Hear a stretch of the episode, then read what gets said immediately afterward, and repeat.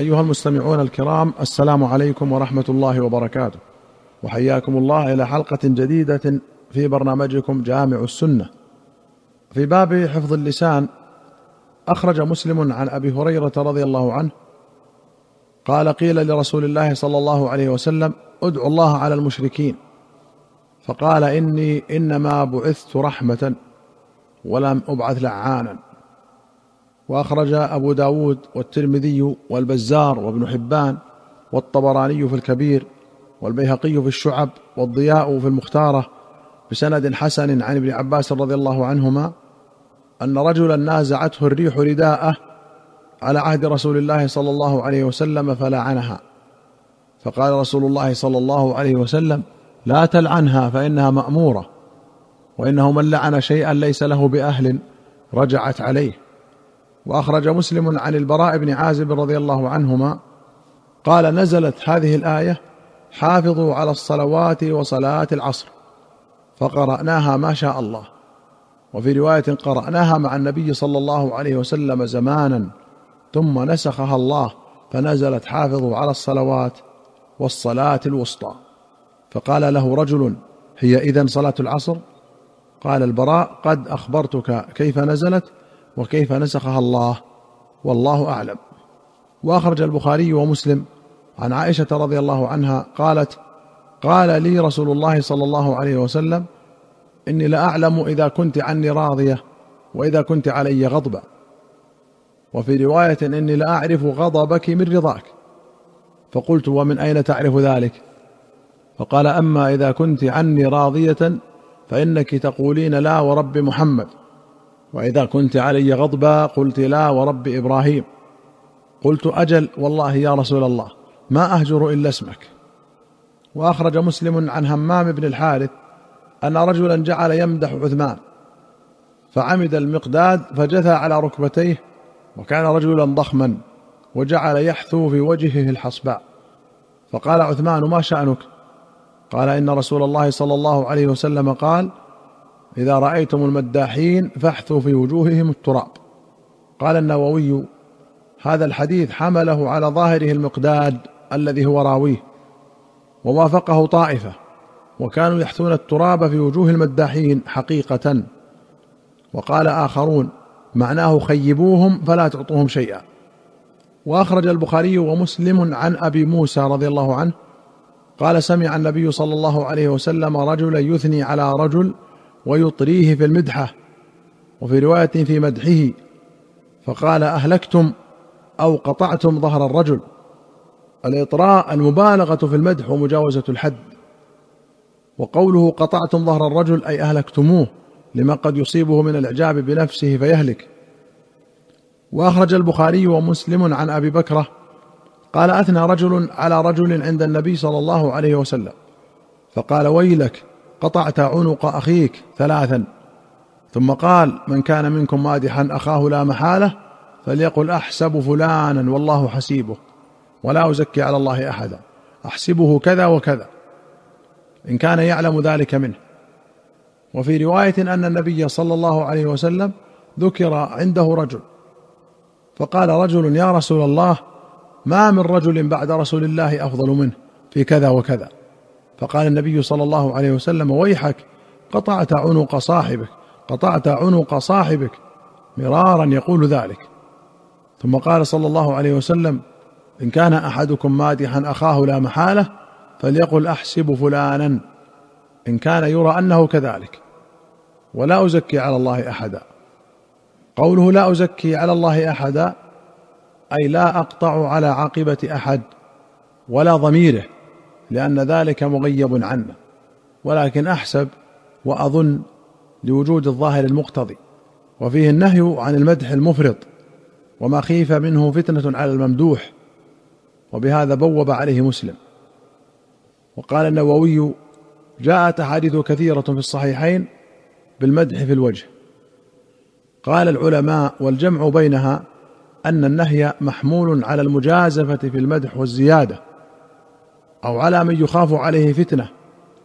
وأما من لا يخاف عليه ذلك لكمال تقواه فلا نهي إذا لم يكن فيه مجازفة. بل إن كان يحصل به مصلحة كدفعه للخير أو الاقتداء به كان مستحبا. وسيأتي أنه صلى الله عليه وسلم نهى أن يبالغ في مدحه هو. فقال لا تطروني كما أطرت النصارى ابن مريم فإنما أنا عبد. فقولوا عبد الله ورسوله. وقال قولوا بقولكم أو بعض قولكم ولا يستجرينكم الشيطان.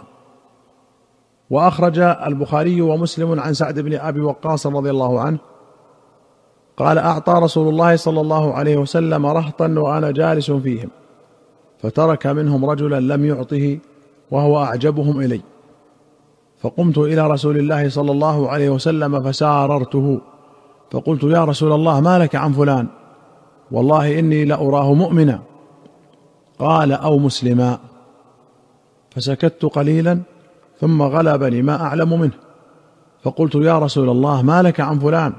فوالله إني لأراه مؤمنا. قال أو مسلما. فسكت قليلا ثم غلبني ما أعلم منه. وفي رواية ما أعلم فيه. فقلت يا رسول الله ما لك عن فلان؟ فوالله إني لاراه مؤمنا. قال أو مسلما. ثم قال يا سعد إني لا أعطي الرجل وغيره أحب إلي منه خشية أن يكب في النار على وجهه. ولمسلم قال فضرب رسول الله صلى الله عليه وسلم بيده بين عنقي وكتفي. ثم قال أقتالا؟ أي سعد إني لا أعطي الرجل وذكر الحديث. قال الزهري فنرى أن الإسلام الكلمة والإيمان العمل. وأخرج البخاري عن أم العلاء رضي الله عنها وهي امرأة من الأنصار بايعت النبي صلى الله عليه وسلم أنهم اقتسموا المهاجرين قرعة. قالت فطار لنا عثمان بن مضعون وأنزلناه في أبياتنا فوجع وجعه الذي توفي منه. فلما توفي وغسل وكفن في أثوابه دخل علينا رسول الله صلى الله عليه وسلم. فقلت رحمة الله عليك أبا السائب فشهادتي عليك لقد أكرمك الله. فقال النبي صلى الله عليه وسلم وما يدريك أن الله أكرمه؟ فقلت لا أدري بأبي أنت وأمي يا رسول الله فمن يكرمه الله؟ فقال رسول الله صلى الله عليه وسلم أما هو فقد جاءه اليقين. والله إني لأرجو له الخير. والله ما أدري وأنا رسول الله ما يفعل بي. وفي رواية ما يفعل به. قالت فوالله لا أزكي أحدا بعده أبدا يا رسول الله. قالت وأحزنني ذلك. فنمت. فرأيت لعثمان عينا تجري. فجئت إلى رسول الله صلى الله عليه وسلم فأخبرته. فقال ذلك عمله.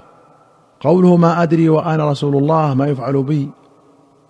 قال ابن حجر إنما قال ذلك موافقة لقول الله تعالى في سورة الأحقاف قل ما كنت بدعا من الرسل وما أدري ما يفعل بي ولا بكم. وكان ذلك قبل نزول قوله تعالى ليغفر الله لك ما تقدم من ذنبك وما تأخر. لأن الأحقاف مكية وسورة الفتح مدنية بلا خلاف. وقد ثبت أنه صلى الله عليه وسلم قال أنا أول من يدخل الجنة. وغير ذلك من الأخبار الصريحة في معناه. أي أنه قال ذلك قبل أن يوحى إليه هذا صلى الله عليه وسلم. وأخرج البخاري عن ابن عباس قال سمعت عمر يقول على المنبر سمعت النبي صلى الله عليه وسلم يقول لا تطروني كما أطرت النصارى ابن مريم فإنما أنا عبد فقولوا عبد الله ورسوله. الإطراء المبالغة في المدح. قال ابن حجر وقد ضبط العلماء المبالغة الجائزة من الممنوعة بأن الجائزة يصحبها شرط أو تقريب. ولهذا قال صلى الله عليه وسلم فليقل أحسبه كذلك والممنوعة بخلافها ويستثنى من ذلك ما جاء عنه صلى الله عليه وسلم فإنه لا يحتاج إلى قيد كقوله لابن عمر نعم الرجل عبد الله وأخرج أحمد والبخاري في الأدب وأبو داود والنسائي بسند صحيح عن مطرف بن عبد الله بن الشخير قال قال أبي انطلقت في وفد بني عامر إلى رسول الله صلى الله عليه وسلم فقلنا أنت سيدنا. فقال السيد الله تبارك وتعالى قلنا وأفضلنا فضلا وأعظمنا طولا. فقال قولوا بقولكم أو بعض قولكم ولا يستجرينكم الشيطان. وفي رواية ولا يستهوينكم. وفي أخرى ليقل أحدكم بقوله ولا يستجرنه الشيطان. قوله لا يستجرينكم أي لا يتخذنكم جريا أي رسولا ووكيلا. يريد تكلموا بما حضركم من القول ولا تكلفوا كأنكم وكلاء الشيطان تنطقون عن لسانه. ورواية لا يستجرنه من الجر وهو صحيح.